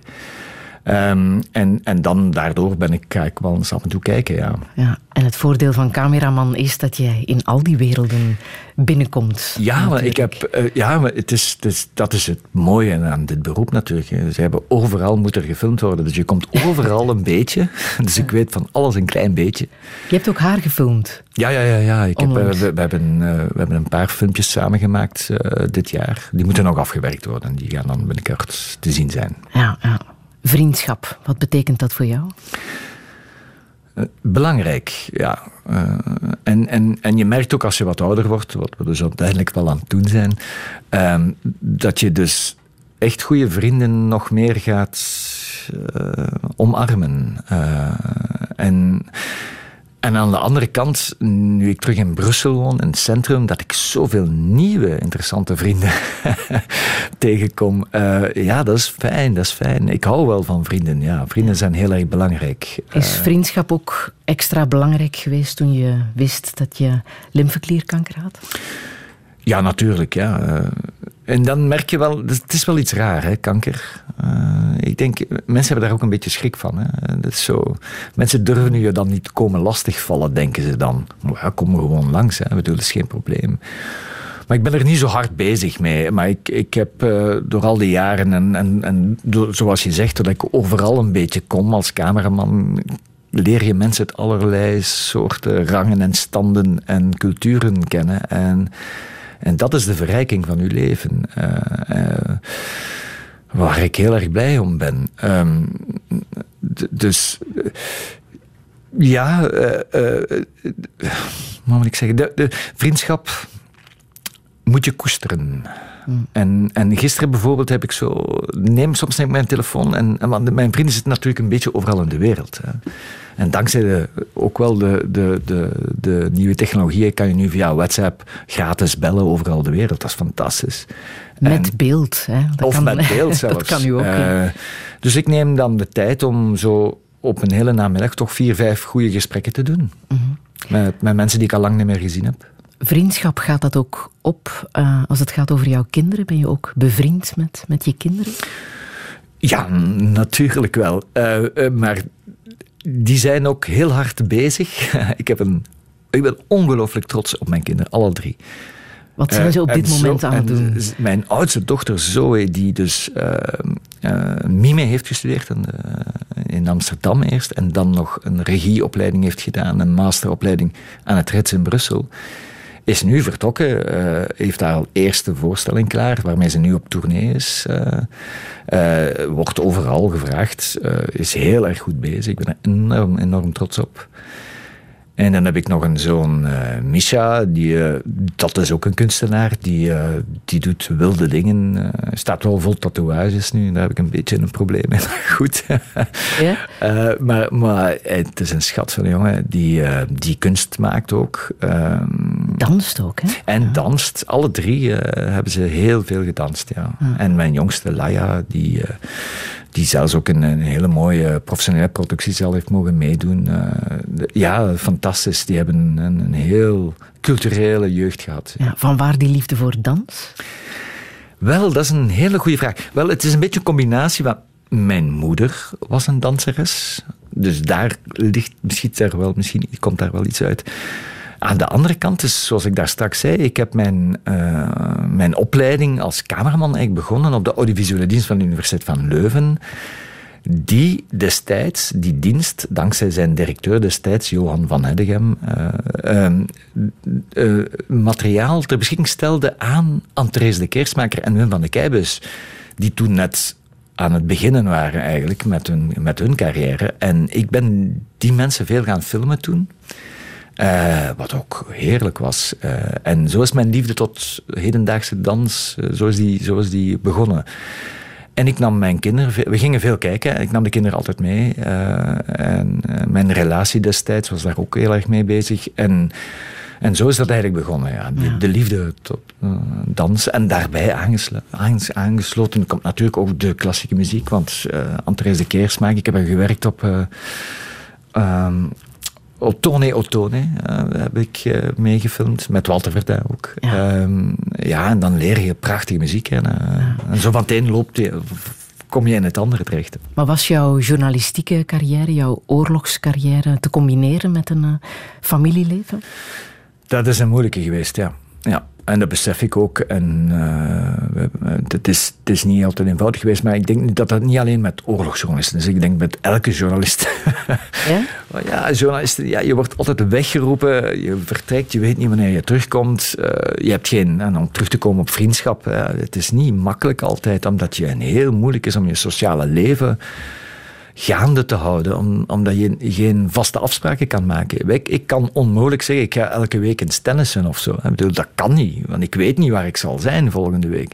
Dus je kan geen vaste afspraken maken. Alles moet eigenlijk de dag ervoor geregeld worden. Dus ik, het is altijd last minute. En dan zien of er iemand vrij is of niet. Dus lijkt mij ook het... twee absolute uitersten. Hè? De chaos van het journalistieke leven dat je hebt geleid en stabiel familieleven, uh, waar ja. de dagen toch redelijk geregeld zijn uh, als ja, je kinderen hebt. Ja, maar uh, de kinderen hebben daar een beetje mee leren, moeten mee leren leven. Maar hebben heel veel steun gehad van een geweldige moeder die ze hadden. Um, of nog hebben natuurlijk. Um, en, uh, uh, maar ze, hebben dat, ze zijn daarmee opgegroeid. En ze zijn nu hetzelfde aan het doen eigenlijk. Want Zoe die reist van het ene naar het andere. Die is altijd onderweg. Um, en ja, ik denk dat ze dezelfde weg gaat opgaan uiteindelijk. Ja. Ben jij bang voor de dood? Nee, totaal niet. Nee, nee. Maar ik wil het ook niet. Hè. Ik bedoel, enfin, het mag, als het komt, dan komt het. Ik ben er niet bang voor, maar als ik het nog even kan uitstellen, wil ik het toch wel proberen, ja. Ja, want je hebt de dood meer dan eens in de ogen gekeken natuurlijk. Uh, als je zo'n gevaarlijke gebieden bereist. Um, maar als je dan zelf ook het, de diagnose van kanker krijgt, is dat toch iets, denk ik, waar je net iets... Ja, het is heel, echt waar, dat is heel raar. Ik heb daar geen seconde aan gedacht nee? toen men mij vertelde. Ik, niet echt, niet één seconde. En ik heb dat ook blijven volhouden. Ik heb, en dat klinkt raar. En dat klinkt misschien wel zelfs belachelijk. Maar dit is de manier geweest waarom ik daar, op hoe ik daar mee omgegaan. Ik heb van in het begin gezegd, niet met mij. Echt niet, hè? no way. Um, dat komt goed. En dat is mijn ingesteldheid geweest, die mij misschien ook wel heeft geholpen om daardoor te geraken. Mm -hmm. uh, maar het is nooit gedaan. Hè. Je bent niet kankervrij verklaard. Zelfs als, als je, uh, ze noemen dat dan complete remissie. Dat klinkt heel mooi en heel netjes, maar je moet nog vijf jaar lang, nu nog twee of drie keer per jaar, naar controles gaan. Ja. En, en dat mag geen mindfuck worden natuurlijk, want je zou kunnen denken, oeh, die controle komt eraan, god weet, het gaat, en het kan terugkomen natuurlijk. Hè. Dus dat sluimert wel ergens in je achterhoofd, maar ik probeer daar echt niet te veel aan te denken. Ben je goed verzekerd? Totaal niet. Echt? nee, daar heb ik me nooit mee bezig gehouden. Nee? nee? Daar ben ik allemaal niet mee bezig. Toch een goede ziekteverzekering, mag ik hopen. Ik heb, ik heb zoals de meeste Belgen, heb ik altijd zo'n, gelukkig zo'n uh, ziekenhuis extra verzekeringsje. Uh, maar uiteindelijk maakt het allemaal niks uit hoor, want uh, je mag dan, het enige wat het verschil is dat je dan een single kamer krijgt, geloof ik. Maar er was toch nooit plaats voor een single bed. Dus ik lag altijd met meerdere mensen in de kamer. Wat ik eigenlijk heel leuk vond. Ik ben dan direct, ik liep eigenlijk ook altijd door de kamers om met de andere patiënten te spreken. Uh, en een verhaal, naar hun verhalen te luisteren. Daniel kan je niet tegenhouden natuurlijk. Nee. Maar weet je hoeveel zo'n chemo kost? Ja, dat is toch ook wel iets dat je niet mag onderschatten. Wat een dat is ook wel een business natuurlijk, hè, die chemo. Maar dank u, de chemo heeft mijn leven gered. Hè. Daar gaan we nu niet over zagen. Maar als je die facturen dan binnenkrijgt, dat kost 4.000, 5.000 euro per chemo. En wij, ik betaal er dan maar, wat, dankzij de verzekering, maar 50 euro voor. Maar wie betaalt de rest? Ja, dat zijn wij allemaal. Hè. Dat is de maatschappij. En dan moet je het zien, in Gasthuisberg, daar heb je dus een dagkliniek waar je, als je chemo krijgt, je moet daar gewoon naartoe gaan en dan ga je daar een paar, paar uur aan de, aan de zakjes hangen zo. Hoeveel honderden mensen daar per dag binnenkomen tel dat eens allemaal uit, hoeveel dat allemaal kan kosten. En dan kom ik even terug naar uh, mijn cannabis. Want nog eens, cannabis gaat op dit moment weet men daar nog lang niet genoeg over. Uh, maar er zijn wel onderzoeken bezig, onder andere in de Universiteit van Madrid, waar dus wel effectief, efficiënt onderzoek wordt gedaan naar de mogelijke positieve invloed van cannabis op kanker zelf. Zou de kankercellen eventueel wel kunnen uh, afbouwen? En er zijn heel, heel veel testimonials van mensen die dat dus effectief daardoor geholpen zijn en van hun kanker zijn afgeraakt. Nu luister, als we als we, en daarom pleit ik voor meer onderzoeken. Alsjeblieft, laat ons daar nu massaal op inzetten. En als wij een gewone plant die je thuis kan groeien, u kan helpen om van kanker af te geraken, als we daar kunnen geraken, dat zou toch fantastisch zijn. En hoeveel zou het uitsparen aan iedereen en aan de maatschappij? Uiteraard, we zijn nog lang niet zo ver, maar alstublieft, heren wetenschappers en dames wetenschappers voornamelijk, doe je best. De farma-industrie zal uh, dat niet zo prettig vinden natuurlijk. Wel, ja, inderdaad. De, de farmacie is niet helemaal mee in dit verhaal. Alhoewel natuurlijk zijn, dat ze nu ook wel begrijpen dat er wel wat mee te verdienen valt. En je ziet dus wel dat bepaalde farmabedrijven in Canada uh, aan het investeren zijn in cannabisbedrijven. Mm dus Natuurlijk is er ook het gevaar natuurlijk. Als iedereen, als niemand nog opiaten gaat nemen, dan gaan ze grote verliezen. Al de pijn, pijnbestrijding is een enorme business natuurlijk. Als dat helemaal wegvalt, dan gaat het dus ook inderdaad ook wel jobs kosten aan de farma-industrie. Daar moeten we ook wel rekening mee houden. En nee, ze zien dat niet graag zitten, want dat is, het is weer een natuurproduct en dat hebben ze niet graag, want dat kost niks. Daar kunnen ze niet aan verdienen. Maar dat is misschien een beetje korter de bocht. Ik zou graag willen dat alle actoren mee zijn. Ook de farmindustrie, ook de wetenschap en de politiek, alstublieft. Dat we allemaal samen aan tafel kunnen zitten met de patiënten. En dat iedereen aan tafel gaat zitten en nu eens een goed debat gaat voeren hoe we dit gaan kunnen oplossen.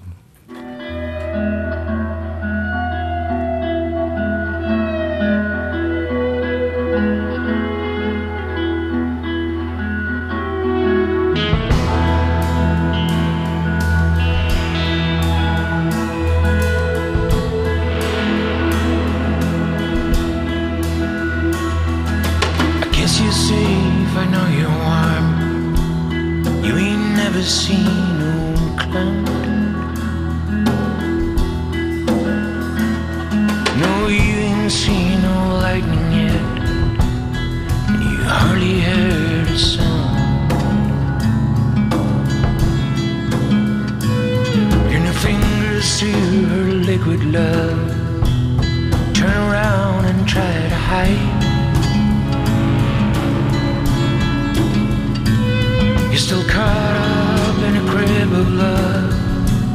I can hear you can shout. I wanna be with you, never without you. Every passing day.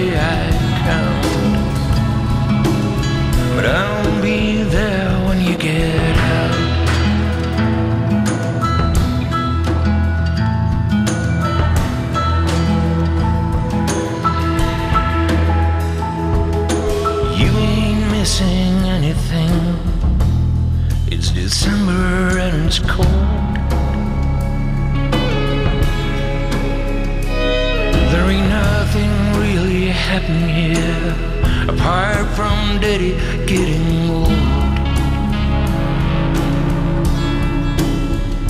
I never knew waiting was the greatest thing, but I'll wait till I can't hold. Every inch, every ounce the purest gold, and lucky man can hold. I'll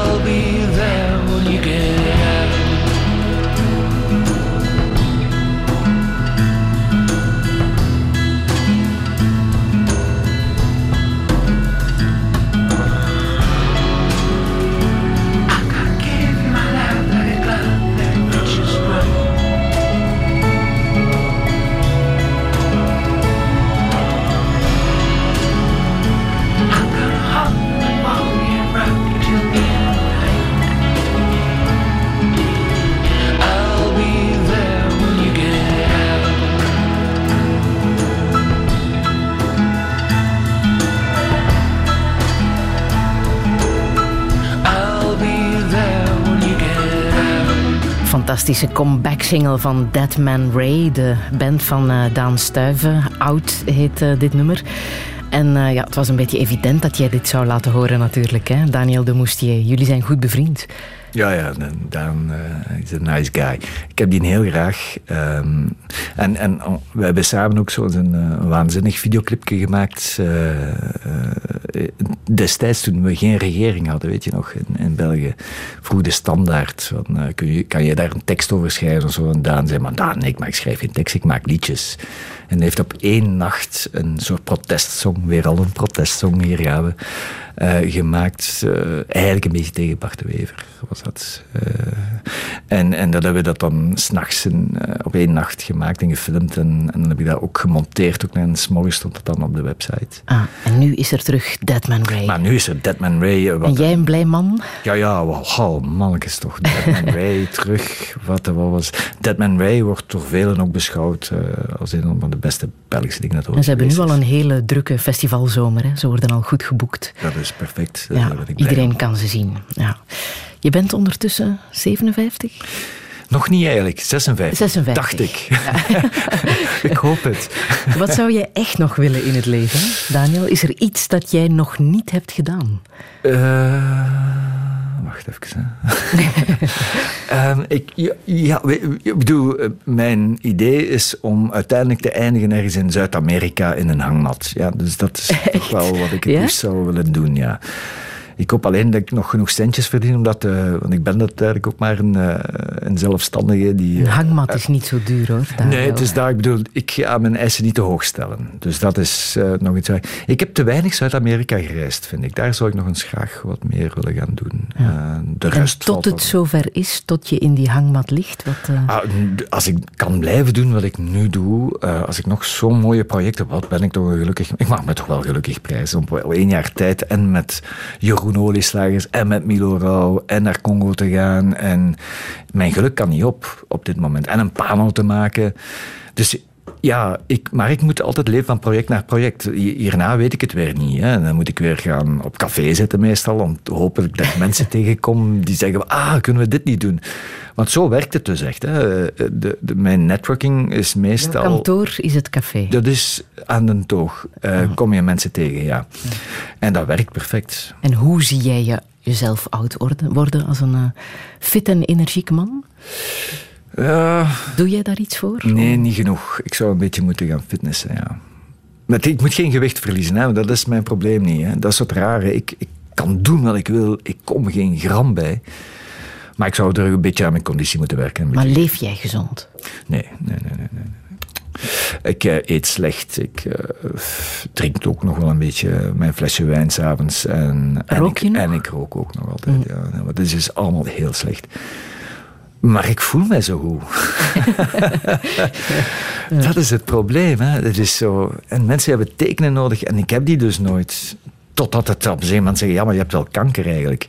Dat ik ook niet wist. Dus het is een beetje raar allemaal. Maar ik beloof het, ik beloof het, Friedel, ik ga er iets aan doen. Welke boodschap wil jij hier nog meegeven? Vrede en liefde aan iedereen. Zo simpel kan het zijn. Ook voor jezelf? En ook voor mezelf. Mm -hmm. Ik heb nog uh, muziek van uh, Noe, denk ik. Mano Toe. Wat moeten we daarover weten?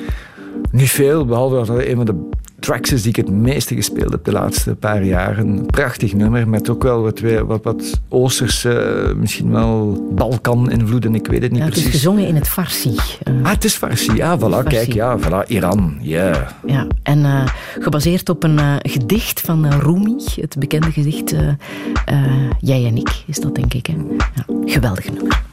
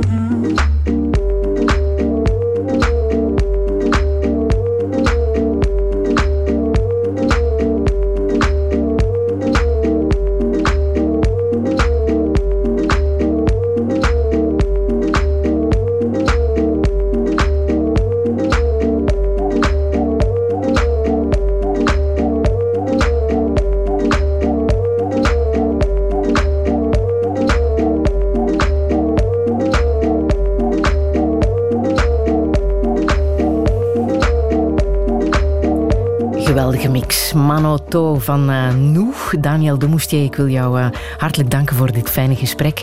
Alle info zetten we zo meteen op onze website radio1.be. Daar kan je ook herbeluisteren en onze podcast activeren en onze Spotify-lijsten terugvinden. Volgende week verwacht ik hier moleculair bioloog Bart de Stroper. Tot dan. Herbeluister dossier via de podcast, de Radio 1-app en radio1.be. Touché.